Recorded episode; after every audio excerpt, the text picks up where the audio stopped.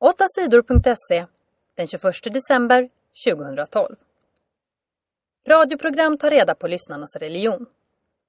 Många arga människor ringer till radioprogrammet Ring P1 i Sveriges Radio. Det är meningen. Programmet är till för att lyssnarna ska kunna säga vad de tycker. Men nu har det kommit fram att Ring P1 inte bara har sparat namnen på de som ringer. Programmet har också skrivit upp vad de tycker, vilken religion personerna har, hur gamla de är och om de har någon sjukdom. Det kallas för att åsiktsregistrera. Det är förbjudet i Sverige. Ring P1s chef heter Erika Hedin. Hon tycker att det inte är fel att samla på åsikter. Vi gör det bara för att vi ska kunna göra ett bättre program, säger hon till tidningen Dagens Nyheter. Men inte ens alla som jobbar med Ring P1 tycker att det är rätt att göra så. Det är inte sant, tänkte jag när jag hörde det. Det är någonting i mig som säger fel, fel, fel, säger programledaren Teppas Fågelberg. Teppas Fågelberg säger att han aldrig skriver upp information om de som ringer. Frida kom tvåa. Frida Hansdotter har i de senaste tävlingarna visat att hon är i bra form. Hon har kommit femma i storslalom i två tävlingar. I slalomtävlingen i Åre gick det ännu bättre. Frida gjorde två bra åk och kom tvåa i tävlingen. Hon ledde efter det första åket. Men i det andra åket var den unga amerikanskan Mikaela Schifrin för snabb. Det blev en bra svensk dag i backen. Maria Pietele Holmner kom fyra och Nathalie Eklund kom sexa. God jul önskar 8sidor.se. Julhelgen är ovanligt lång i år. Julafton är på en måndag. Det betyder att de flesta som jobbar är lediga fem dagar i sträck. Från lördag den 22 december till och med onsdagen den 26 december som är annandag jul. 8sidor.se tar också ledigt över julen. Torsdagen den 27 december är vi tillbaka igen med nyheter.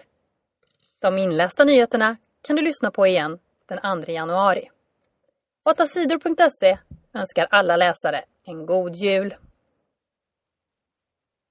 Många samlades på magiskt datum. För många människor över hela världen är det något särskilt med datumet den 21 december 2012.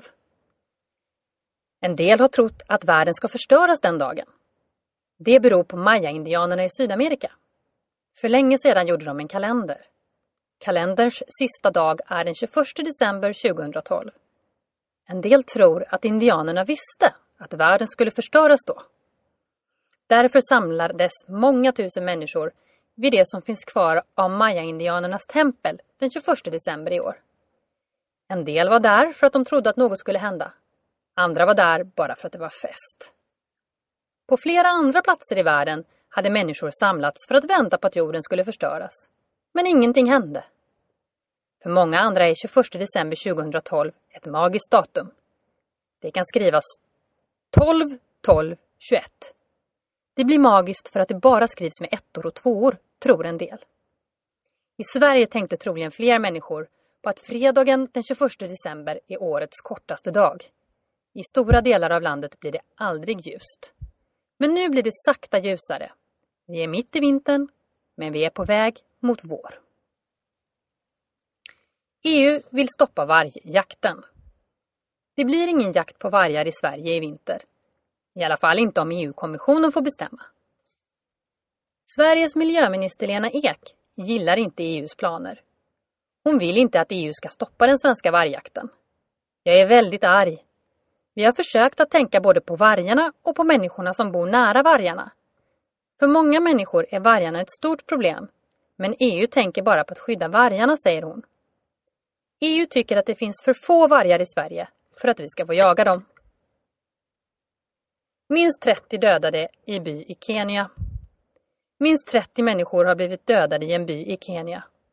Någon tände också eld på flera hus.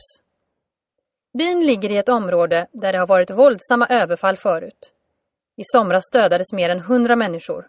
Många av dem var kvinnor och barn. Det är inte klart vilka det var som anföll byn.